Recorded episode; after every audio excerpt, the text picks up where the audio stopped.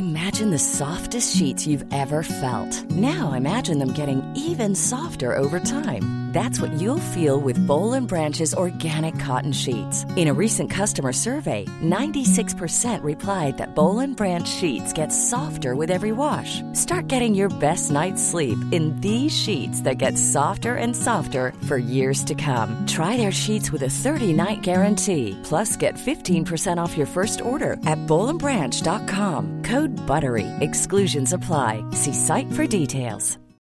Since 2013, Bombas has donated over 100 million socks, underwear, and t-shirts to those facing homelessness. If we counted those on air, this ad would last over 1,157 days. But if we counted the time it takes to make a donation possible, it would take just a few clicks. Because every time you make a purchase, Bombas donates an item to someone who needs it. Go to bombas.com slash ACAST and use code ACAST for 20% off your first purchase. That's bombas.com slash ACAST, code ACAST. Millions of people have lost weight with personalized plans from Noom, like Evan, who can't stand salads and still lost 50 pounds. Salads, generally, for most people, are the easy button, right? For me, that wasn't an option. I never really was a salad guy. That's just not who I am. But Noom worked for me. Get your personalized plan today at Noom.com. Real Noom user compensated to provide their story. In four weeks, the typical Noom user can expect to lose one to two pounds per week. Individual results may vary.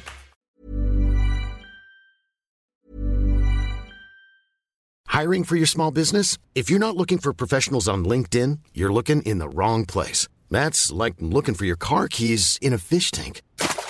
LinkedIn helps you hire professionals you can't find anywhere else, even those who aren't actively searching for a new job but might be open to the perfect role. In a given month, over 70% of LinkedIn users don't even visit other leading job sites. So start looking in the right place. With LinkedIn, you can hire professionals like a professional. Post your free job on linkedin.com slash people today. Wow. Nice. Yeah. What you're hearing are the sounds of people everywhere putting on Bombas socks, underwear, and t-shirts made from absurdly soft materials that feel like plush clouds. Yeah, that plush. And the best part? For every item you purchase, Bombas donates another to someone facing homelessness. Bombas. Big comfort for everyone. Go to bombas.com slash ACAST and use code ACAST for 20% off your first purchase. That's bombas.com slash ACAST. Code ACAST. Hei, og velkommen til Bak scenen. Jeg heter Trond Harald Hansen, og i denne podkastserien skal jeg finne ut hva som skjer på baksiden av norsk showbiz-bransje. Enten det er produsenter, skuespillere eller artister. Og i dagens episode får jeg besøk av en av grunnleggerne bak Tramteatret, som sto bak en rekke suksesser mellom 1976 og 1986. Blant annet sto de bak seriene om Pelle Parafin og hemmelighetene i Baby. Du hører podkasten Bak scenen, podkasten for deg som vil vite mer om hva som skjer på baksiden av norsk showbiz-bransje. Her er Arne Garvang. Bak scenen med Trond Harald Hansen. Arne Garvang, velkommen hit. Takk skal du ha. Veldig hyggelig at du sa ja. Har invitert deg for å snakke om, eh, om din egen karriere. Tenk at man skulle få seg en karriere. Jeg fikk meg nesten en kjemikarriere, vet du. Eller det, jeg vet ikke om du vet det, men det gjorde jeg nå i Ja, hvert fall. Jeg, klarte, jeg med et skrik gjorde ferdig kjemi hovedfag. Og så begynte jeg på hva det heter, da, pedagogisk seminar. Eh, Jeg, skulle, jeg, liksom, jeg hadde ikke noen andre bedre ideer enn å bli lærer i videregående, hadde jeg tenkt. Og så, men så var det da i mellomtiden så hadde vi kommet ganske godt i vei, og det, plutselig skulle vi ha premiere i, dette var i januar, og vi skulle ha premiere i april. Så skjønte jeg at dette går jo ikke. Jeg kan ikke ha fullt i studiet og ha premiere med dette teatret. Så jeg var der én dag. Så gikk jeg opp på et kontor og sa fra meg plassen. Og damen ble forresten veldig sur. Nå hadde jeg tatt opp plassen til en annen. Ja, det får ikke hjelpe. Sånn er det bare. sånn er det. Var det et, eh, var det et eh, vanskelig valg å ta? Nei, det var, var i grunnen ikke det, altså. Og det var forferdelig kjedelig også den første dagen. Sånn, eh, jeg jeg syns det var bare tull. Jeg, jeg, liksom, jeg har et par gaver i livet, jeg har funnet ut mye må jeg slite meg til. Jeg er en veldig god pedagog, så jeg syns ikke jeg trengte det greiene der i det hele tatt. Regna med at det var mye tøys. Og så, så det var ikke vanskelig å Nei, liksom få lov til å flippe ut og være med i sånn galt teater. eh, isteden. Begynte jo å bli, syns det begynte å bli bra ting også. Så nei, det var ikke vrient, faktisk. Tramteatret, det var jo veldig mm, opprørsk. Ja, det var veldig opprørsk, altså. Det var såpass opprørsk at uh, veldig mange trodde vi var uh, ML-ere. Marxist-leninister. Det var vi nå ikke, men, vi, men det var liksom sånn at alle, altså Enten så var du ML-er, eller så svevde du i utkanten. altså De kule folka. De, så vi var veldig nære, liksom. Det var vel et par som var innom også. Men, eh, men så var vi var i opposisjon til alt, også ML-bevegelsen. Det var vel ingen som vi kødda så mye med på bakrommet som, som dem. Så vi, vi ble mer sånn eget, ikke akkurat parti, da, men ja, et slags politisk parti, eller i hvert fall med vår egen politikk. Som lå godt ute på venstresida, og særlig det første stykket. da. Det starter med en scene hvor eh, en sånn type klasseanalyse, kunne vi kalle det. Hvor, hvor borgerskapet og Arbeiderpartiet synger mot hverandre på scenen. Og konklusjonen er jo at de har eh, felles interesser og er egentlig helt like. Flere har jo vært inne på det nå, senere, at de kanskje burde slå seg sammen. Så, men vi var veldig tidlig ute, og det var, eh, det var knallharde ting. Og dette var jo poenget vårt. Det var det som var greia. Vi hadde så utrolig lyst til å si noe. Man har lyst til å På den ene og andre har lyst til å frelse verden, redde verden. Og det var, det var liksom drivkraften, faktisk. Altså meldinga. Det var liksom ikke noe sånn der, der nå, nå skal jeg bli kjendis, og nå skal vi bli veldig berømte og sånn.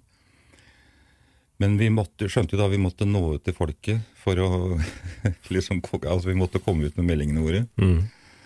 Så da har vi jo denne etter hvert berømte formålsparagrafen. Vi stiftet jo teatret på et stiftelsesmøte og bestemte navn og sånn. Så hadde vi formålsparagrafer, og da var det den ene var eh, da i vedtektsform å nå ut til hele det norske folk. Veldig ambisiøst, da. Ja, veldig ambisiøst, men vi syntes det var helt naturlig. Det var ingen som, syntes, ingen som fniste av, den, eh, av det punktet der. Nei. Hvem skulle tro at vi skulle nå ut til hele det norske folk? Det er jo, er jo en veldig sterk historie. Det er jo det. Jeg tror jeg oppfatter det sånn fremdeles, så går det opp for meg. Det, du tror jo at når ting skjer at dette er helt naturlig, og det der var jo ikke mye naturlig.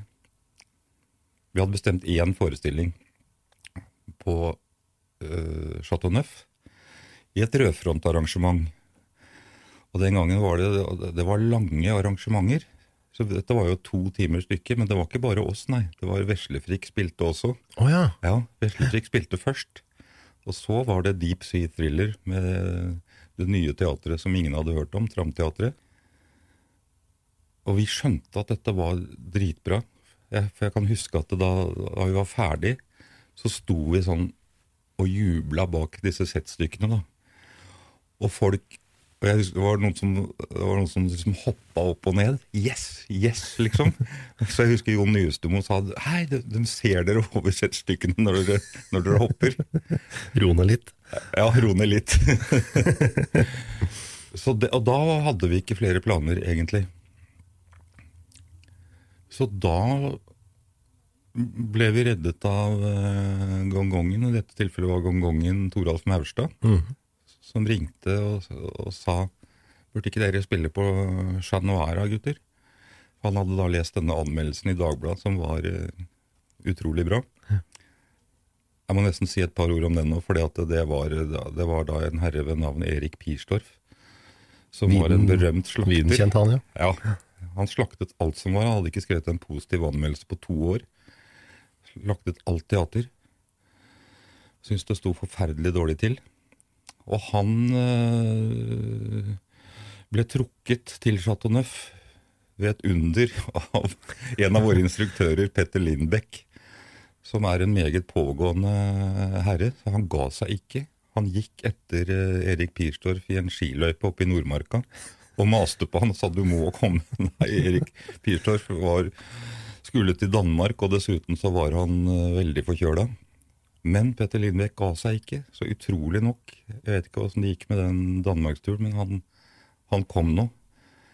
Og skrev da en helt fantastisk anmeldelse. som virkelig fikk folk til å sperre øya opp. Hva er dette for noe? Så da vi sa ja takk til Torolf Maurstad, da, for, altså han, det Chat Noir-greiene var jo så rart. Det var jo hvem som eide det, og hvem som ikke eide det. Men han disponerte det da tydeligvis ved denne tida på en eller annen måte. Og dette var jo i mai, i mai måned. Hvor man da, når man blir litt mer erfaren, så vet man at er det en måned man ikke spiller revy, så er det i mai. Det er aldri noen som gjør det. Det er jo ikke det. Men- Nei, men vi gjorde det. Så det kan jo hende at eh, Jeg er evig takknemlig for Torolf Maurstad, men det kan hende at det var fint for han også å få leid ut Chat Noir i mai måned. Men da vi kommer ned dit, og det er stappa fullt Det var stappa fullt en måned i mai. Det er helt utrolig. Det er helt utrolig. Og da fløyt vi jo Jeg skjønner jo at vi fløyt da på Også på det med En ting var at vi var genierklært av Erik Bierstorff, men, men det var liksom Altså det var det politiske, den politiske temperaturen da. At det virkelig var At det virkelig ble laget noe så bra på venstresida av, av våre folk. Så de storma jo i hvert fall Chat Noir. Og det kom altså sånn, alle sånne skuespillere og sånn kom etter hvert og, og skulle se hva dette var. Og vi tok 20 kroner i inngangspenger. Vi var idealistiske, så det skulle ikke koste mer enn en kinobillett, som da kostet 20 kroner. Men Terje Nordby, forfatteren, han var konstituert kasserer. Og det er, det er skummelt å tenke på i dag, for han er ikke sånn kjempegod med penger. Nei. Så han tok da liksom gikk oppom billettluka og tok pengene i en plastpose. Oh. Og så var også sånn at man kunne gå fra Chat Noir, lærte vi av teknikerne, via en bakevei og ned på Rosekjelleren. Det syns vi var eh, rocka. Dette hadde vi jo hørt om, der liksom det var fulle sjømenn og stripper og greier. Så det ble til at vi ofte så, så, så dro vi ned dit og tok en øl. Og da oppdaget vi på et tidspunkt at det sto en plastpose under bordet på Rosekjelleren, og det var billettpengene. gikk det øl alt sammen? Ja, det Nei, nei det gjorde ikke det. Altså, vi, var, vi var faktisk veldig flinke med, sånn, med penger, selv om det, var, det er ikke mye du får inn med 20 kroner i billetten. Men det var såpass at vi liksom da vi kjøpte, da, kjøpte lys og lydutstyr. For da hadde vi nemlig fått med Anders Rogg, som hadde vært på Riksteatret. Jeg kunne i hvert fall ingenting om teater. Det er Absolutt ingenting. Jeg visste ikke hva et settstykke var. Og han begynte å snakke om lyskaster og P23-er, og, og vi må ha åtte P23-er og en lysbro, og så må vi ha AVAB lydbord. Og Hva Anders snakker du om? ja, hva snakker vi om nå? Så jeg bare, ja, men så fint, Anders. Og dette hadde vi jo tydeligvis råd til, da. For da var det liksom de drivende kreftene i teatret fant ut at nå skal vi på turné. Og, da, og det gjorde vi.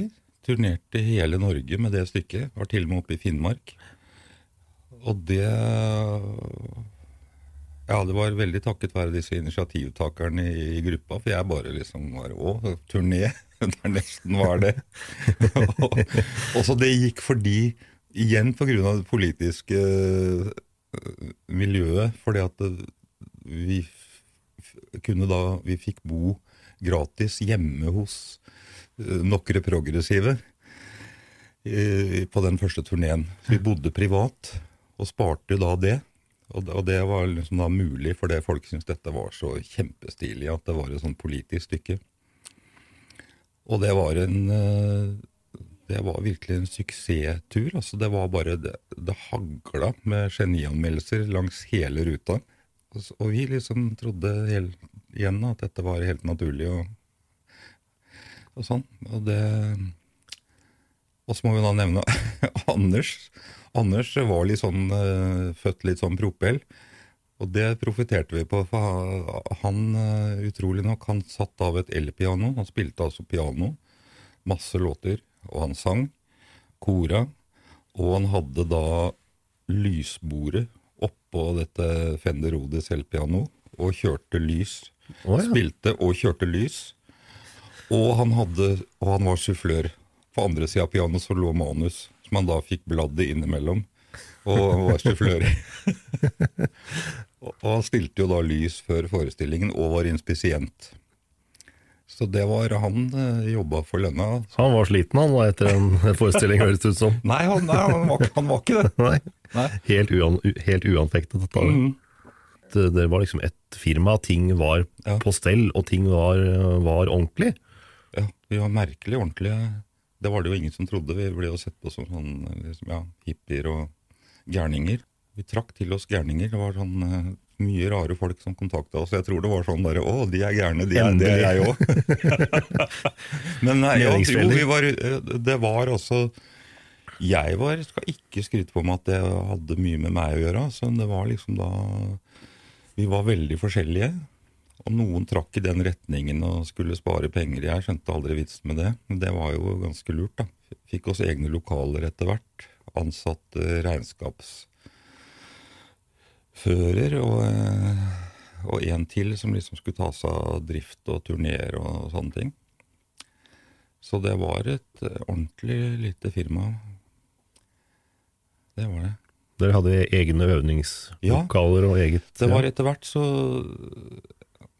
Eller sånn relativt raskt så fikk vi det. Og det var da salige Billy Johansson, som hans familie drev et renseri på Tøyen. Og der sto både annen og tredje etasje ledig. Så vi gikk inn der og leide. Først tredje etasje og etter hvert begge etasjene. Og, og da var det liksom Det viser seg at jammen var det noen som kunne snekre i gruppa også. Så vi mekka opp de lokalene, isolerte et eh, rom til studio og bråkete musikk. Eh, tre rom som var eh, da kontor og ja, gud vet hva det var. De, de ble bolig, for det var, liksom, det var et par stykker som ikke hadde noe sted å bo, Ja. som flytta inn der. Magne Bruteig var den første som flytta inn. Han fikk tittelen direktør eh, i, i Tramteatret. Og han bodde der og kom tassende i tøfler når vi kom om morgenen. Og dere hadde faste arbeidsdager og, og fast oppmøtetid, og liksom alt var uh, Ja, det var helt organisert. uforståelig ryddig, altså. Jeg husker ikke akkurat når vi begynte. Mulig vi dro den til ti. Eh, Jeg er ikke helt sikker. Men så, så jobba vi da til gjengjeld. Ikke bare til fire, men da var det jo også sånn å, å gå ut etterpå og fortsette å diskutere og snakke. Så det var jo Det var liksom Tramteatret døgnet rundt, altså. Levde og ånda for Ja. ak akkurat det. Ja. Dere lagde jo også alt sjøl. ja. Hver minste låt. Hver minste låt, altså bare det, at det var originalmusikk. Altså Det pleide jo ikke revyer å ha. De liksom garderte seg med å bruke kjente, kjære låter. Ja, sånn. ofte lagd på det. Og så stiller vi da med Det var jo ja, 13-14-15 nyskrevne låter til hvert stykke. Og der var det jo jeg kom inn, da. Først øh, bare meg, ja, litt Terje. Så, så liksom kom Anders til hjelp. Så vi delte jo på det. Det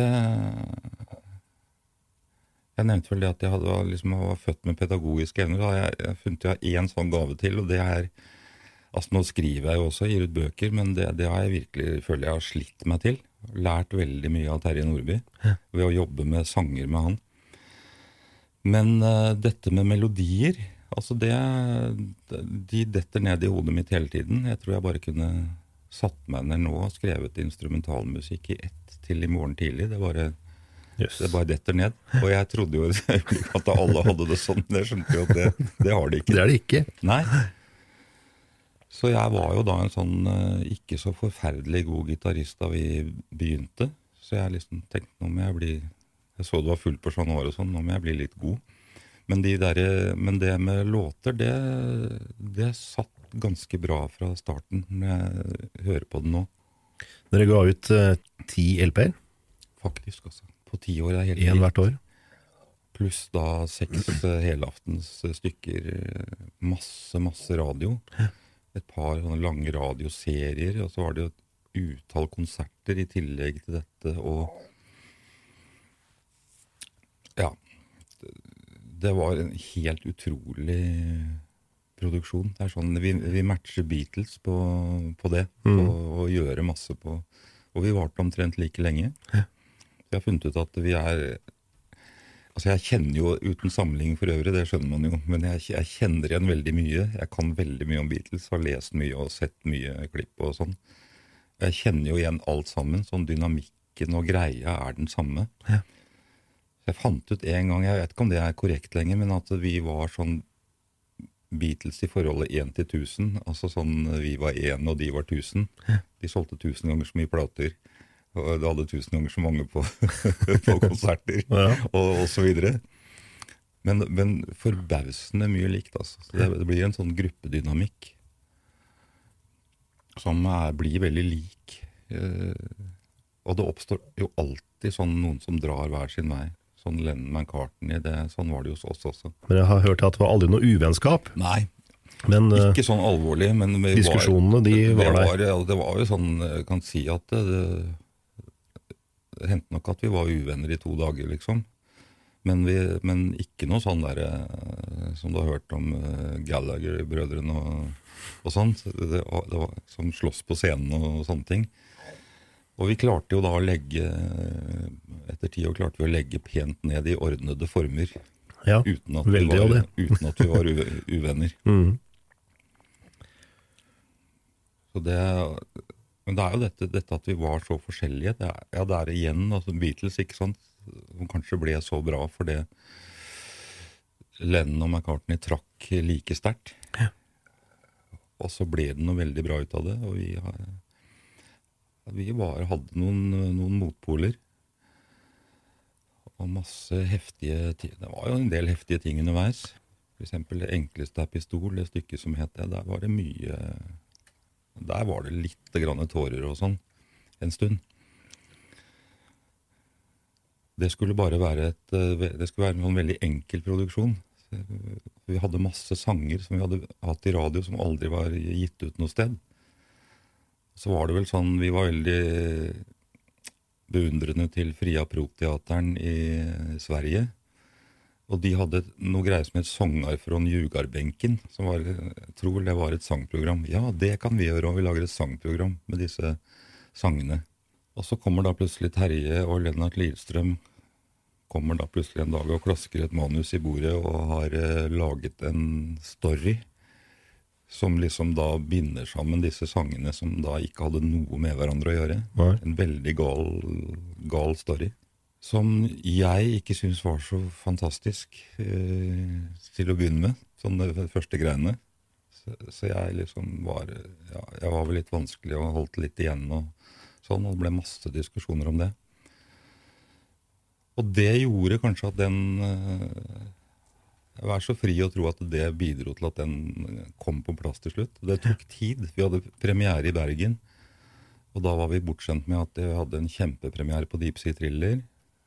Så, ja, så hadde vi en litt eh, mer sjaber enn på det andre stykket som het 'Hvem er redd for frøken Lunde'. Men så var det jo pang igjen på Back to the 80s i Bergen.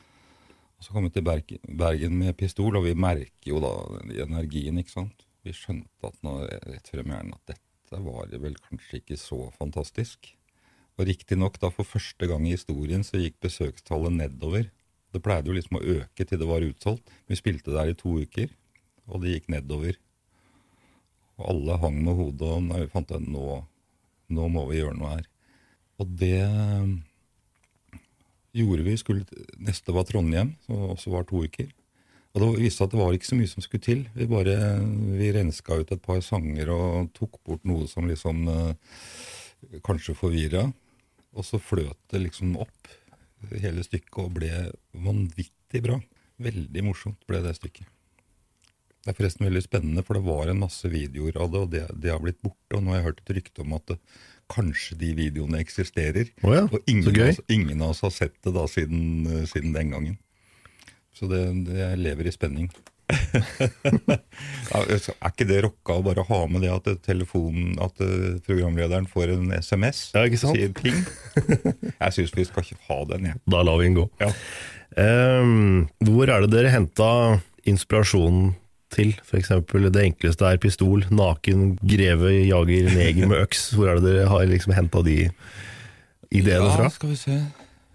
Det enkleste er pistol. Det var det nok kanskje Terje som kom opp med. Vi skulle lage noe om Hva skal vi se, det enkleste er pistol.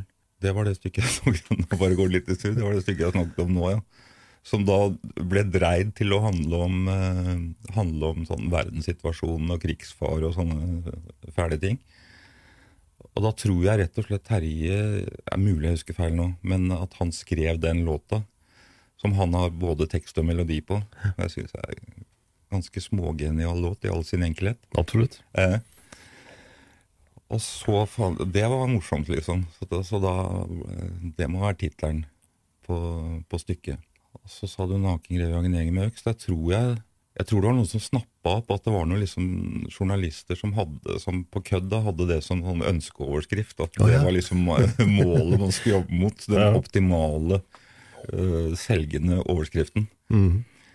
Og så gikk da Terje øh, bort. Han er jo helt genial til å skrive sanger.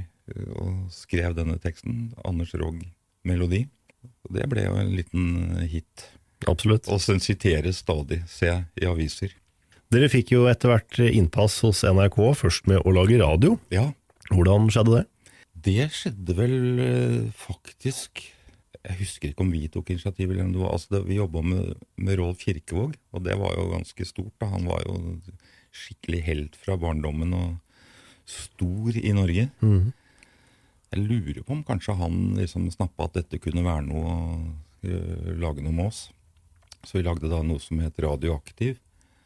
Først var det sånn eh, eh, en sommer. Det gikk eh, liksom en, en sommer vel en gang i uka. Så lagde vi månedlige programmer i et år. Rolf Kirkevåg ville at det skulle være, være direkte fra store studio. Oi, dere var så heldige å skulle få innpass der. Ja, Ja. og det Så fikk vi hetta, da. I hvert fall fikk jeg hetta. Bare altså skulle opptre live én gang i måneden. Jeg bare så for meg at hele teatret ville klappe sammen. At, at vi tross alt, altså, det må vi gjøre på teip. Så jeg tror jeg er redd jeg var en brems der. Men eh, i hvert fall så blei det på teip, da. Og så, mens dette går, så Jeg husker veldig godt hvordan, det, hvordan vi kom i TV. Og det var da den kjente Klubb 7, som Marianne og jeg er er gift, ikke sant, og vi bodde like ved og var etter hvert mye der. Så treffer vi Dag Åkesson Moe på Klubb 7. Han var programleder og var ganske kjent figur i, NRK. I BUA, barne og ungdom. Og jeg husker akkurat vi, hvor vi sto. Vi sto liksom sånn tre meter foran scenen midt på gulvet der og snakket sammen. Og da og han snakker om ja, ja, jævla moro med dere, jævla stilig dette her. Altså, så, og så sier han da disse senere så berømte ord Kan ikke dere lage noe for oss? da?» Så sånn var det tilbudet kom fra NRK. Og vi sa jo jøss, vi var jo verdensmestere, ikke Ja, sant? ja, ja. så det, selvfølgelig kan vi det. Ikke noe problem. Nei. Så ble det ringt dagen etter da, og bekrefta dette at jo, det har vært moro, liksom. En serie, kanskje. Og så skrev vi faktisk et manus først. eh, Jeg hus det husker jeg ikke hva var. Sånn, I hvert fall et sånn synopsis. Og, det, og sendte det inn. Og nei, det syntes de ikke var noe særlig, men de hadde kjempetro på oss. Så da Ok. Prøv igjen. Og Terje var, han var genial sånn. Han bare var så utrolig flink til å ta kritikk. Og en, et arbeidsjern, så han kunne jo skrive om et stykke på en natt, liksom. Det, var, det sa han ofte, forresten. Ja, men det gjør jeg i natt. Ok, fint det, Terje. Så da Jeg husker ikke helt hvor Jo, det var sånn Det, det, var, det var jo punktiden. Og new, ja, vi var allerede over i new wave-tiden. Funk, funken varte ikke så veldig lenge. Og da Og dette syntes vi var stilig. da Jeg så liksom en del sånne friske punkband på Klubb 7. Og de ga ut noe som het eh, De kalte for punkfasiner, med Z. Og det var altså små aviser som handlet om deres eget band. Ja, avis og avis, det var sånn der eh, kopiert, eller stensilert opp. Og sånn på kanskje åtte sider, hvis de var heldige, som da handla om bandet. Og, så, og jeg kjøpte en sånn en dag, antagelig for to kroner, og tok med den opp fordi jeg syntes det var så jævlig morsomt. Og der var det et band som skrev om seg sjøl. Og det var annet en fyr eh, i bandet som het Gisse Pigg. Gisse Pigg har egentlig æren for uh, Pelle Parafins bøljeband. Og han uh, begynte i bandet og slutta i bandet og begynte i bandet og litt sånn. Og det var det stort sett det det handla om, det som sto om det bandet. Ja. Så det, dette var jo morsomt. Og så var det noen andre sånne lignende navn. Så de tok seg sånn rare navn, ikke sant? sånn Johnny Rotten og sånn. Og derfra kom den ideen med Pelle Parafin, Sandra Salamander. Terje lagde da bokstavrim. Og så var det jo da naturlig å ha, siden vi nå hadde et band i dette teatret, at det hadde en eh, stor rolle. Så sånn eh, ble dette til og sendt inn, og ja, ja dette syns de i all hovedsak var fint. Og vi, ja, flott, liksom. Og fremdeles syns vi alt var helt naturlig. Men så kommer du da i NRK, og da liksom det opp med at dette er ganske svært, dette er pussig. For da, det som vi hadde sittet og ledd av, fantasert om oppe, det plutselig kom vi i NRK og inn på de der svære studioene, og så eksisterer det vi har flippa fram. Der står Pelle Parafins kjeller. Ok. Ja, men dette var jo ganske kult. Det må jo være en veldig en veldig ålreit følelse. Ja, det var, det var veldig ålreit, altså. Og det, og det var vel også sånn da, som i dag, at når NRK gjør noe, så gjør de det ordentlig. Da gjør de det, vet du. Så du får jo liksom inntrykk av at eh, ressursene er eh, ja, nesten ubegrensa. Og vi hadde jo Kalle Fyrst som vår kjære pådriver og regissør. Og han uh, var knallhard når det var noe han ville ha. Jeg husker han hadde, han hadde et dårlig kne. Så, så hver gang han ikke fikk noe, så truet han med å legge seg på inn på sykehuset og operere kneet sitt. så vi drev gjennom ganske mye med det. Blant annet varmt vann i Da Pelle Parafins kjeller skulle oversvømmes. Ja, da ja. Det var ikke en dråpe igjen i hele NRK-bygget. Det var faktisk kaldt vann. De da, det går veldig mye vann i et sånt basseng. De, de, de støpte jo et glassfiberbasseng som var stort nok til å putte hele kjelleren nedi. Og så fylte de da med dette med vann, og det tok hele natta. For vi sa det er ikke tale om om vi ligger og plasker oppi der i, i iskaldt vann. Ja, Kalle han er litt sånn tøff. Han er padler kajakk og går rundt i kajakken. Så han syntes dette var noe ordentlig tøys. Men mm. vi krangla oss til det, da. Det er jeg glad for, for vi lå jo stort sett oppi der i seks timer. Så, og da var det jo moro. Det, det, blir jo da Serum Serum i 1980 som blir eh, ja. første serie. Hvor lang produksjonstid var det? Ja, det kan du si. Det blir nesten litt sånn verre på feelingen uh, nå, altså. Jeg kan tenke meg Jeg vil tippe en fire måneder eller noe sånt nå. Kanskje litt mindre, for det var bare, jeg tror den bare var på sju episoder. Det var også ganske spennende. Da skjønte jeg liksom at uh, Wow. En av de første scenene, kanskje den aller første som ble tatt, var scenen med kjærlighetsscenen med Frida Frosk og Pelle Parafin i parken. Som jeg vil si er en krevende scene. Og jeg som da hadde liksom da bløffa meg til å være flink gitarist og sånn for sånn det var. Jeg måtte, det skulle nå være liksom skuespiller på TV. Var det en stor overgang? Det, ja. Så jeg var, jeg, der var jeg faktisk Jeg, jeg satt oppå en benk i Torshovparken ved siden av Frida Frosk og var ganske nervøs. Og det var, det var kaldt. Det var blussende kinn. Det passa vel bra. Så det, og det ble ålreit, det, da. Merkelig nok. Og serie én blei jo tatt imot veldig bra. Ja. Så dere fikk tilbud om å lage én til. Ja.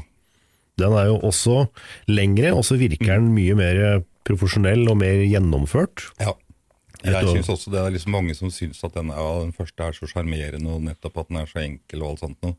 Der er det liksom noen ting som jeg fremdeles Ja, jo, kanskje ikke så morsomt, akkurat det. Men så, så var vel det at det var en suksess og sånn, at, at da ble vi satsa enda mer på neste gang. Og ja.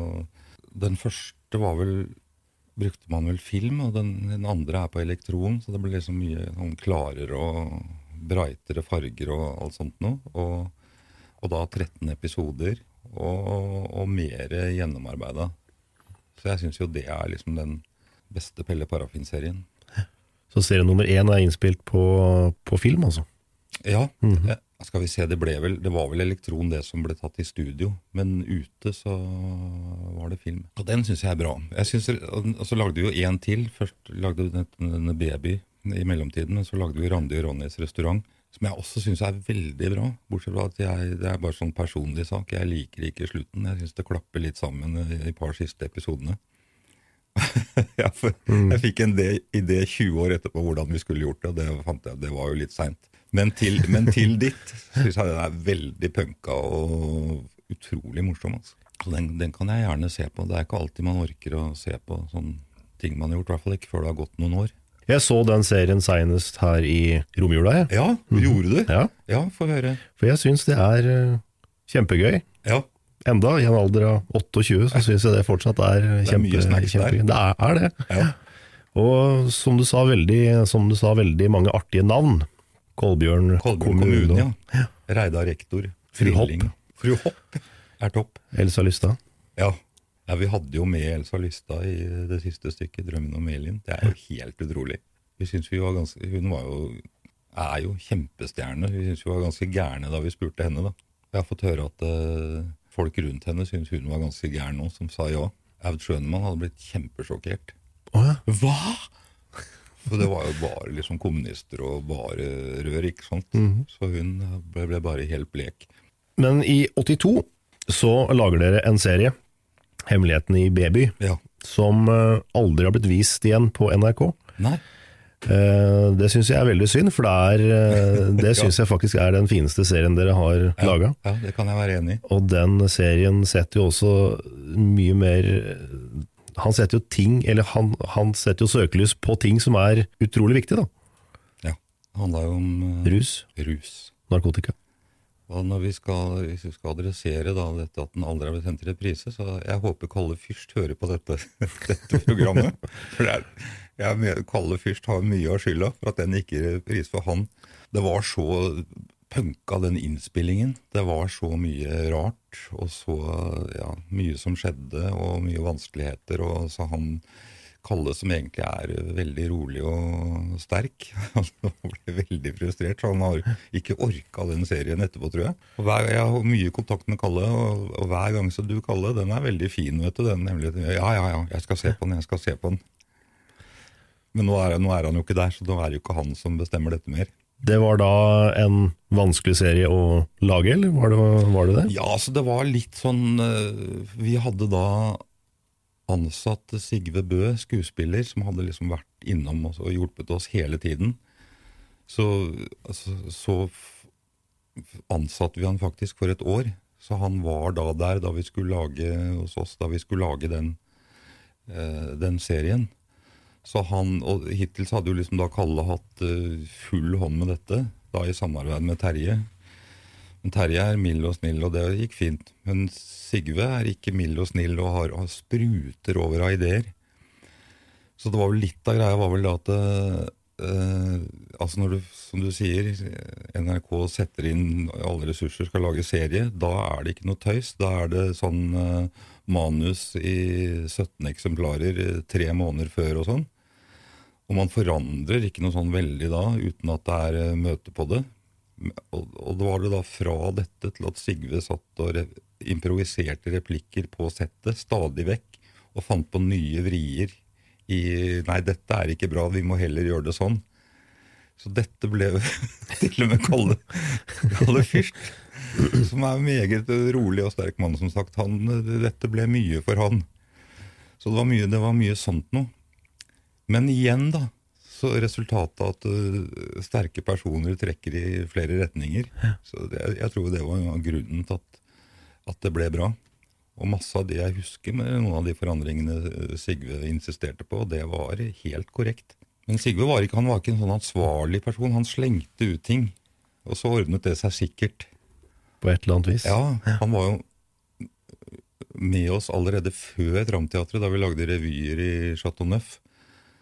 Og da husker jeg at noe av det første han foreslo, var at eh, det, en av oss skulle komme som engel ned fra lysbroen i, på løpestreng. Og det, var liksom da i denne rødframtiden så var det relativt friskt forslag. Og så, for- og så tok vi tok av derfra, liksom. Så det er litt sånn typisk Sigve. som har lært oss utrolig mye og vært instruktør på mange av stykkene. Men hemmelighetene i Baby var jo også en veldig mye mer skummel serie enn det Ja. Pelle Parafin-universet var. Ja, Og det, og det valgte jo å lage noe helt annet enn å putte narkotika inn i Pelle Parafin sitt univers. Ja, og det var eh, nemlig, vi hadde lyst til å lage noe om det, og så tror jeg også det var litt sånn eh, altså litt sånn gruppedemokrati, for at eh, Pelle Parafins bølgebånd fikk jo utrolig mye oppmerksomhet, da. og de andre skuespillerne i teatret de var liksom da henvist til, å- til å Og det var jo ikke så veldig mange igjen når bandet var brukt opp. Nei. Så var det liksom Helge Winther Larsen og Per Kjeve og ja. Og så, så da var det liksom bare å gjette hvem av dem er skurk eh, denne gangen. Ikke sant? så, så var det liksom, så det var liksom litt sånn Vi var litt sånn fed up av dette. Og så var det veldig sterke meninger at nå må vi faen meg lage noe annet. Og det var vanskelig å få gjennom i NRK, for det, at det, Pelle Parafin var jo en suksess. Og veldig Men- etablert, da. Ja, men vi tvang, tvang igjennom det, da. Eh, og det var bra. Og så blei det da stoff i form av uh, leir, leirklumpaktig stoff som ble kalt kirsebær, som ble presset inn i noen armlenker som ga rus, for å slippe disse sprøytene. Men det var en veldig bra illustrasjon, det. Ja, det, takk skal du ha, for det var faktisk min idé. Det er jeg helt sikker på. Og jeg liksom tenkte ja, det er det. Men så har jeg skjønt etterpå at det funka. Hvordan var uh, mottagelsen da? Jo, den var, eh, den var bra, altså. Og dette var sånn der som eh, Da, da utvida vi fanskaren. Sånn, eh, det var noen som hadde hatt kontakt med sånn, eh, folka på gata i Oslo, prostituerte og sånn, og da fikk vi høre at de, de trakk inn fra gata og inn på Prosenteret og sånn for å se, se på den serien. Da syns jeg vi har fått til noe. Ja, det kan man si. Mm. Men enda ikke reprisemateriale i NRK.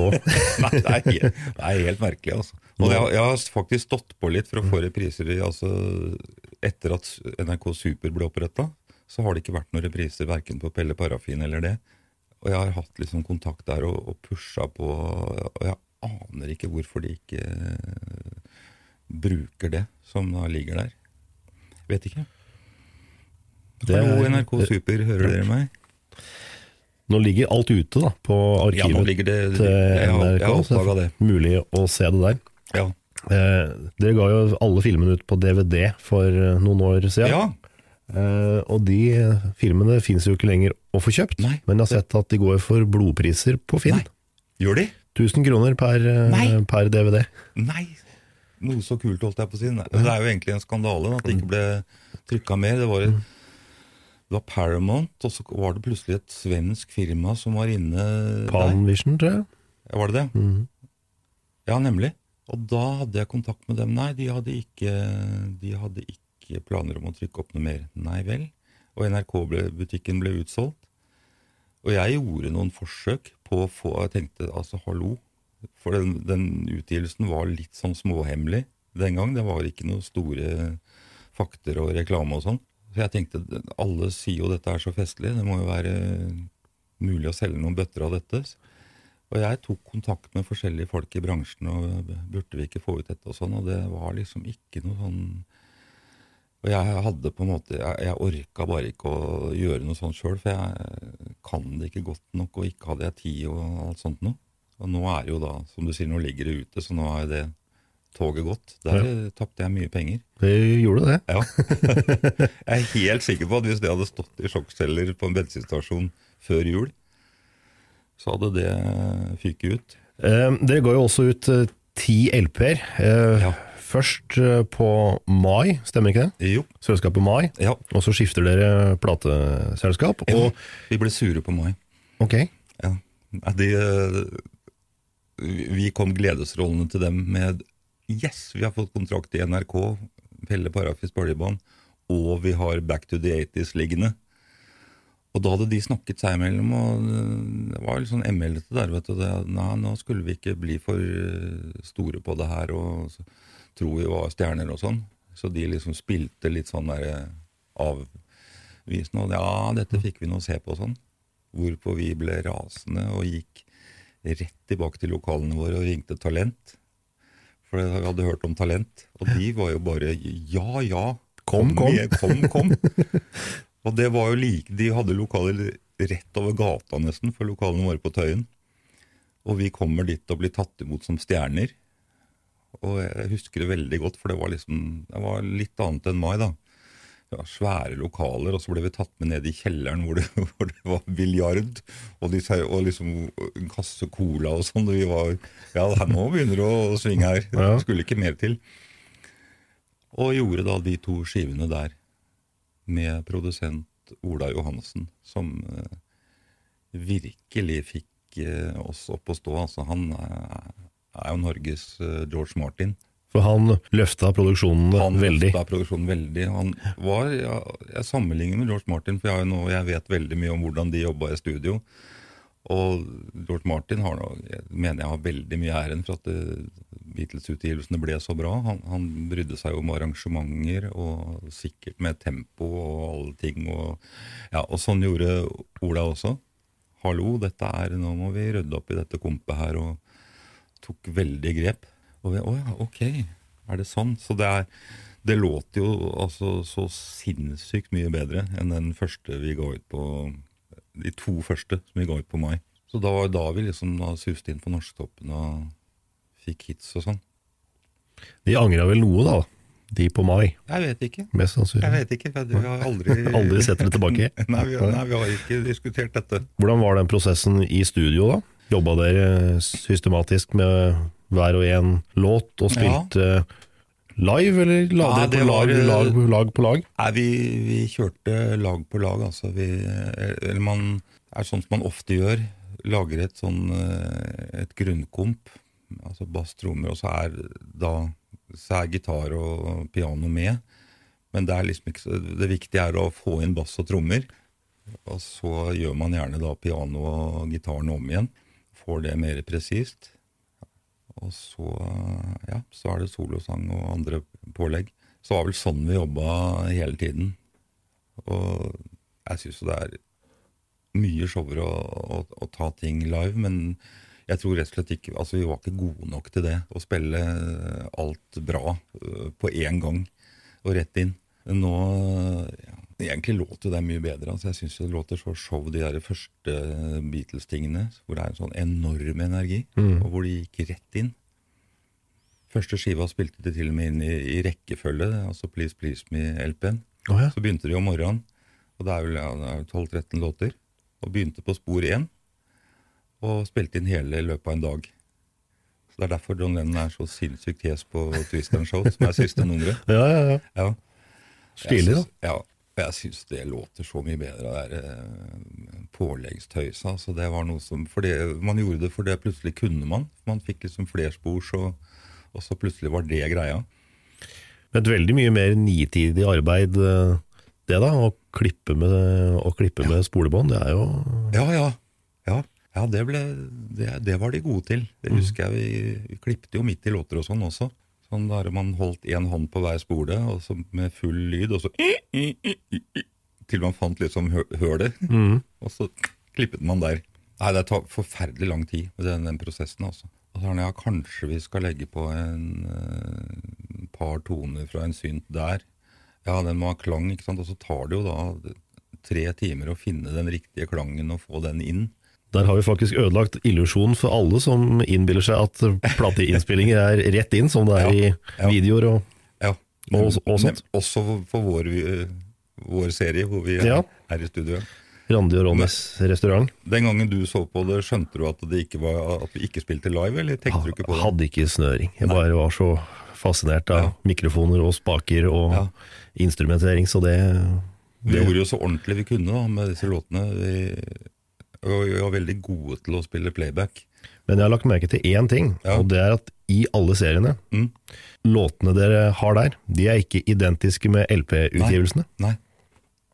Det ble spilt inn eh, Det var noe med rettigheter og sånn. Så, så jeg tror det var sånn én gang tror jeg vi brukte opptakene fra, fra Talentstudio. Mm. Skal ikke, nå skal jeg ikke si for sikkert hvor det var. Det er mulig at i Randi og Ronnys restaurant at, eh, at alt stemmer med LP-en der, men i hvert fall på de første seriene, så, Ja. så er det, det er ikke, det er ikke Nei. store Nei, vi- forskjeller. Du skal være ganske nerdete for Ja. å oppdage det, tror jeg. Men Nei, eh, vi spilte det faktisk inn to ganger, altså. Kan du begripe det? Det er jo det skjæreste tøys. hørtes veldig tungvint ut. Det syns jeg òg. Ja. Jeg har ikke tenkt ordentlig over hvor dumt det var. Mm. Herregud, altså. Spille en skive to ganger.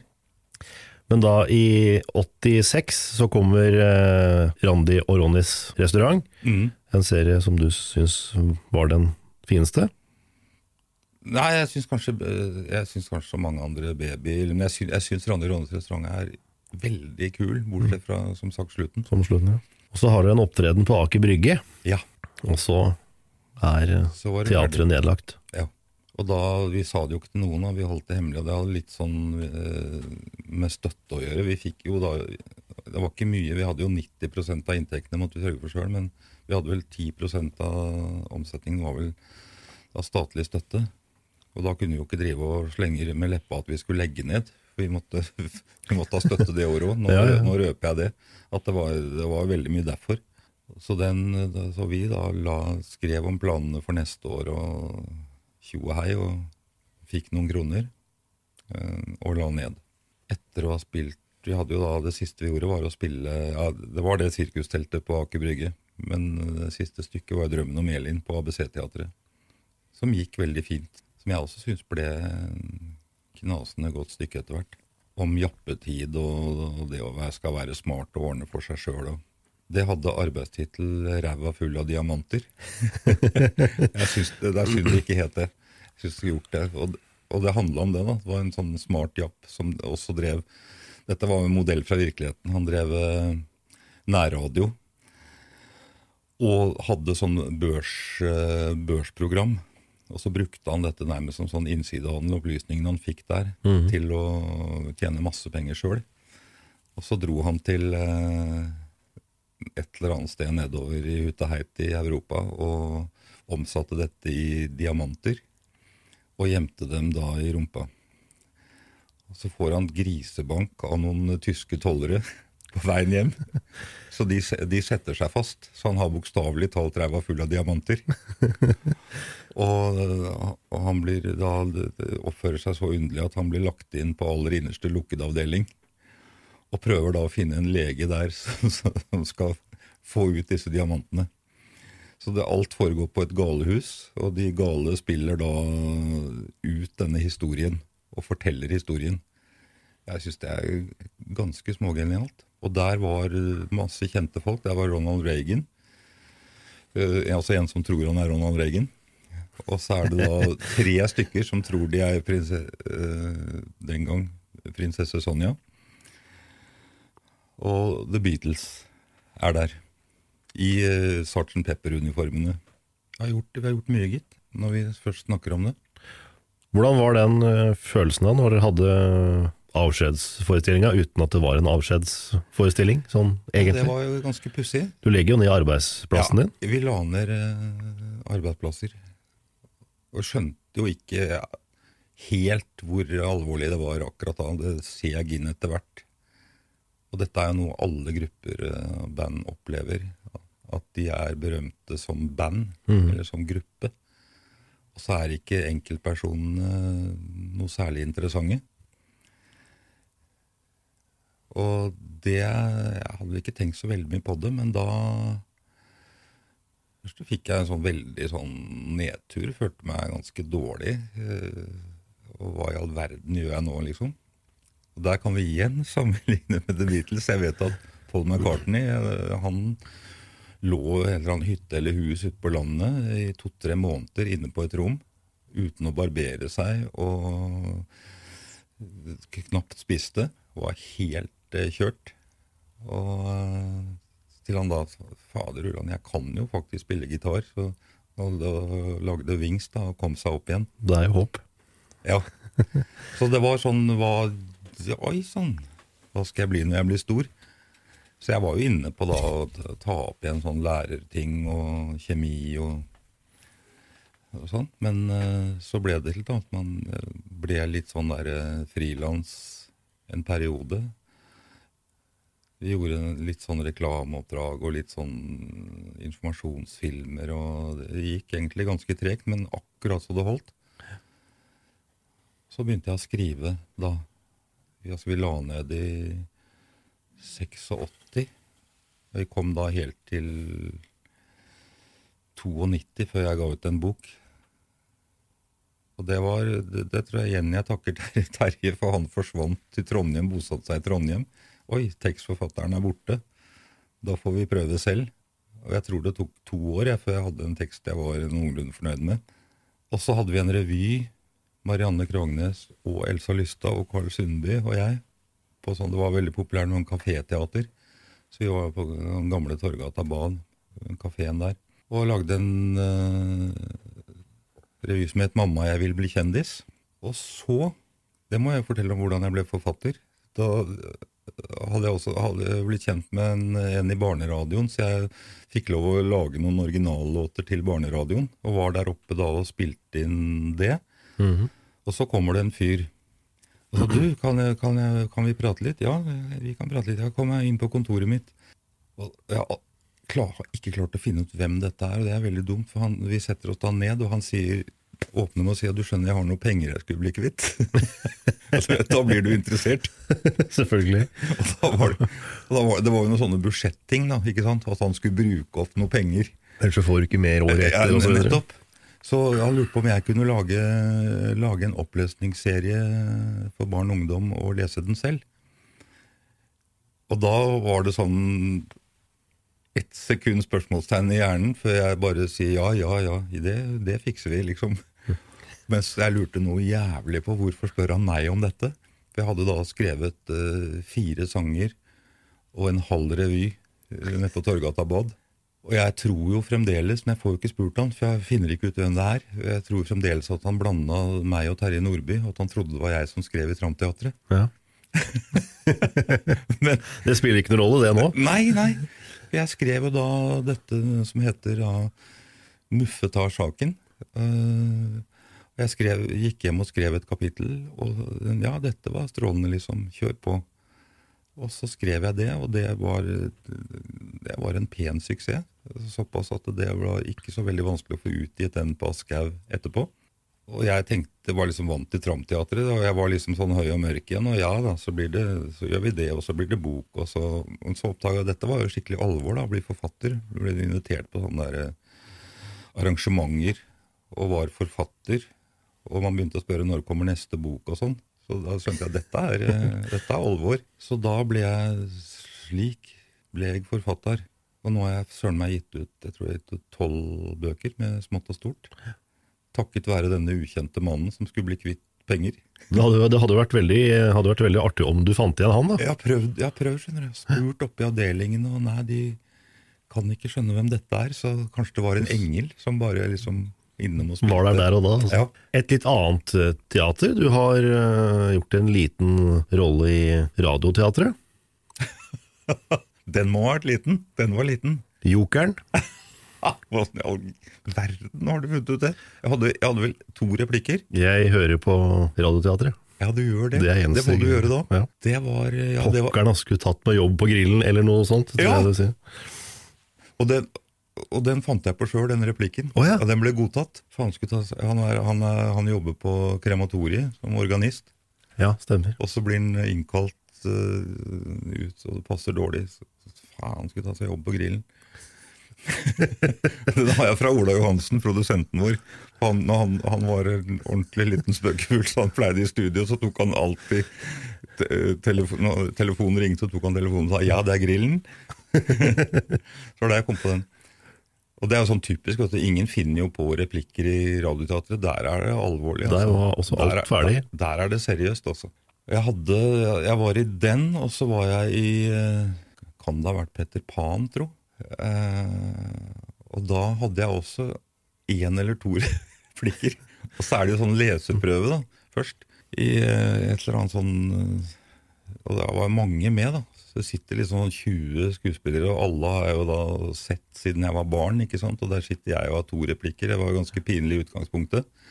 Og vi leser, da har lest en time, og det bare går helt som flytende, og ikke noe stopp i det hele tatt. Og så kommer jeg med, da, med min ene replikk, og så stopper instruktøren og begynner å rette på meg. Og da er liksom, og jeg sitter ganske langt bak, og så alle og da alle disse etablerte skuespillerne de snur seg sånn langsomt og, og ser hva er dette for en kar som ikke kan si replikkene sine. Så det var, det var en veldig kort karriere i Radioteatret. Men sikkert veldig gøy. Nei, det var ikke så veldig Var det ikke gøy? Nei, det, var, altså, det er ikke noe gøy å komme og ha to replikker. og Det er faktisk mye vanskeligere det enn å ha en større rolle. Og jeg følte meg ikke som en av laget. Og jeg fikk jo ikke noe Etter de to så fikk jeg, fikk jeg ikke flere tilbud. Så det, jeg tror ikke det var så veldig vellykka. Ja, det passa liksom ikke inn der, så jeg har mer kjørt sånn solo jeg etter det. Gjort masse rart. Sånn, det ble jo mye med disse bøkene. du, sånn, da blir man plutselig invitert på skoler, og jeg har vært på utrolig mange skoler. Kanskje jeg har norgesrekord, jeg vet ikke. Sikkert noen hundre skoler. Og det syns jeg var skikkelig gøy. Men er det vanskelig det å skape seg egen eh, karriere, eller Ja. gikk det, Ja, det greit? det. Det er, det er det. Så det var, for meg var det veldig bra med de bøkene, at jeg plutselig, jeg plutselig var forfatter. Da hadde jeg plutselig to bein å stå på. Så da liksom, lagde jeg låter og spilte konserter og har hatt et par band og litt sånn. Og så var det disse Det var et år så var faktisk de der skolebesøkene var hovedinntekten. Og det var også lært utrolig mye av da, som skuespiller. I begynnelsen så var jeg skikkelig nervøs for det greiene der, og hadde sånn nesten manus og gjorde det samme hver gang. Og syntes jeg nei, dette var da forferdelig kjedelig, og særlig for meg. Og jeg var nervøs og tenkte at dette, dette orker jeg ikke. Jeg orker ikke og liksom, det er dette jeg skal gjøre, så skal jeg være nervøs. Det, det går ikke. Jeg må ha det moro uh, jeg, mens jeg gjør det. Uh, så jeg hadde en sånn uh, kampanje, terapi på meg selv hvor en del av terapien var da Nå bare slutter jeg, dette må jeg stole på at jeg kan det. Eh, Dette kan du. Jeg visste jo at jeg hadde så mye å ta av at jeg, det, det ville, jeg ville få setninger og assosiasjoner underveis. Så, så da som sagt så gjort, jeg begynte å vasse inn på skoler uten å ha tenkt på hva jeg skulle gjøre i det hele tatt. Til og med husker jeg var sånn i gymsaler hvor eh, hele skolen var, og lærerne sto langs ribbeveggene. Og jeg vassa inn og hadde ikke engang bestemt meg for hva jeg skulle begynne med å si. Og skulle snakke om mobbing og alvorlige, alvorlige ting. Og ikke bare det, den første boka handler jo om eh, hva er det heter for noe? Sånne folk som eh, ikke har det bra hjemme. Omsorgssvikt. Så dette står jeg da Og det var en veldig, for meg, det var en veldig bra terapi. Og, og det funka jo fordi fordi jeg hadde så mye erfaring og hadde liksom lært mye når jeg skrev disse bøkene. og sånn. Så, så da så skjønte jeg at dette, dette går bra, liksom.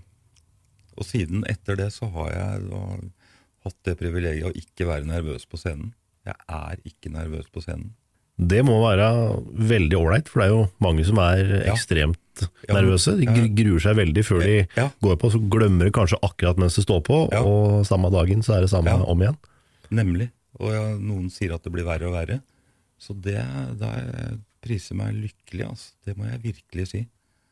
Jeg har ikke, jeg har, etter denne terapien så har jeg ikke prøvd å være på direkte TV enda, Eh, Så vi får se hva som skjer da.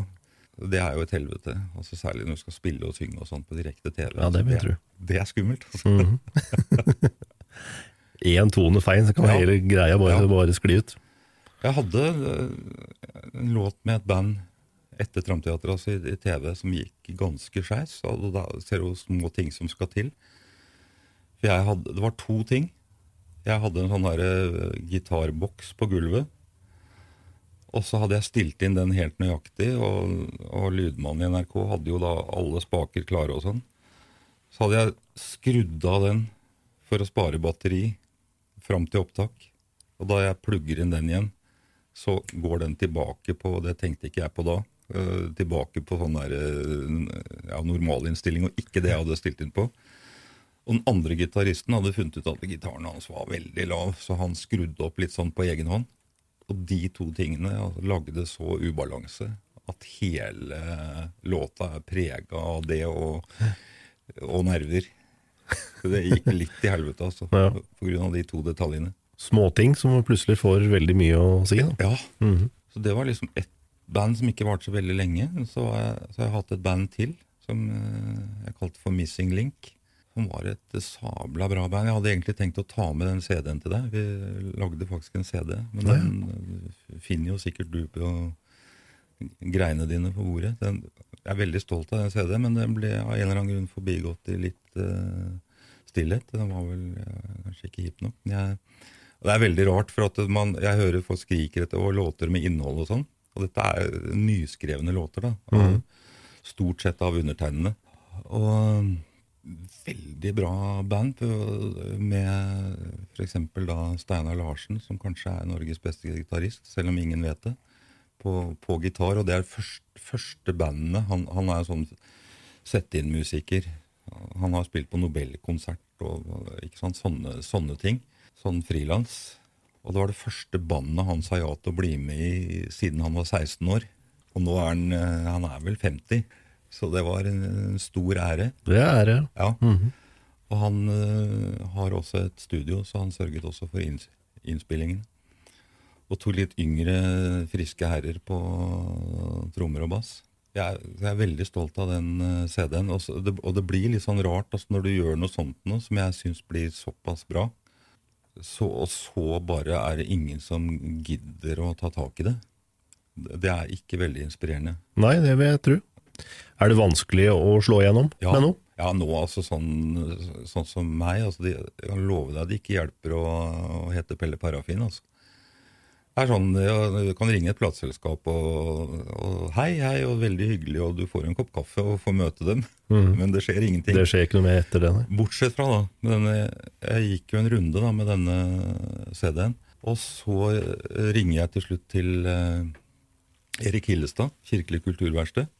Ja, det var, morsomt, det skulle han høre på. Og, så, og da har jeg liksom vært i to-tre andre selskaper, og da er det veldig snakk om sånn, ja, hva er hiten her da, og hva, hva er målgruppen, og, og veldig sånn bedriftsøkonomisk eh, anlagte diskusjoner.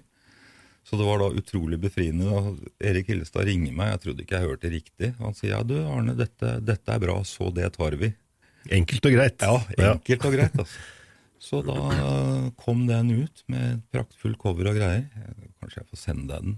Det er du velkommen til. Ja, Det er, jo, det er jo også mange som velger å gi ut uh, sjøl, ja. nettopp pga. at Ja. platebransjen har blitt det en, det en er. da. Nå har det jo blitt veldig forandra. Nå, nå går det jo faktisk an. Gi ut på iTunes, liksom.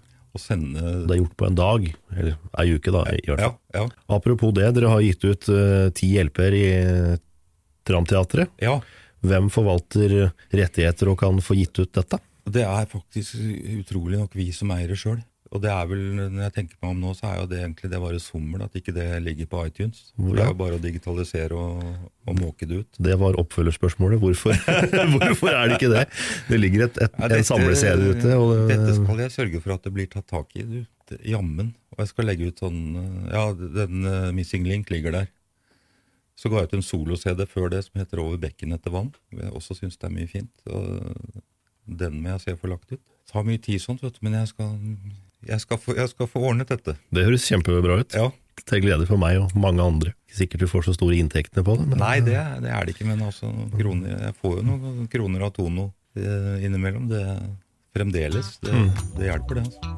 Syns det var kjempehyggelig at du stakk innom. Ja. Veldig hyggelig å få lov til å snakke med deg. Like måte. Det var eh, morsomt å få repetert litt for meg òg. Veldig ålreit. Takk skal du ha. Det var min prat med Arne Garvang. Bak scenen er eh, ferdig for denne gang. Tusen takk for at du har hørt på. Jeg heter Trond Harald Hansen. Om ikke lenge dukker en ny podkast opp. Da får jeg besøk av Anne Marie Ottersen. Da vi begynte på teatret, så var, fikk vi ikke lov å være medlem av Norsk Skuespillerforbund, så vi var medlem av noe som het Skuespillerunionen. Og så fikk vi ikke lov å gå inn i skuespillerfoajeen. Der sto det skilt på døra 'kun for skuespillere'. Og du var liksom ikke skuespiller før, før du ble medlem av Skuespillerforbundet, og da hadde det gått ja, det så mye som fem år, ja, fire, to-tre år eller fire, jeg husker ikke lenger. Så da satt vi på gangen. Selv om vi spilte store roller i stykkene, så satt vi på gangen.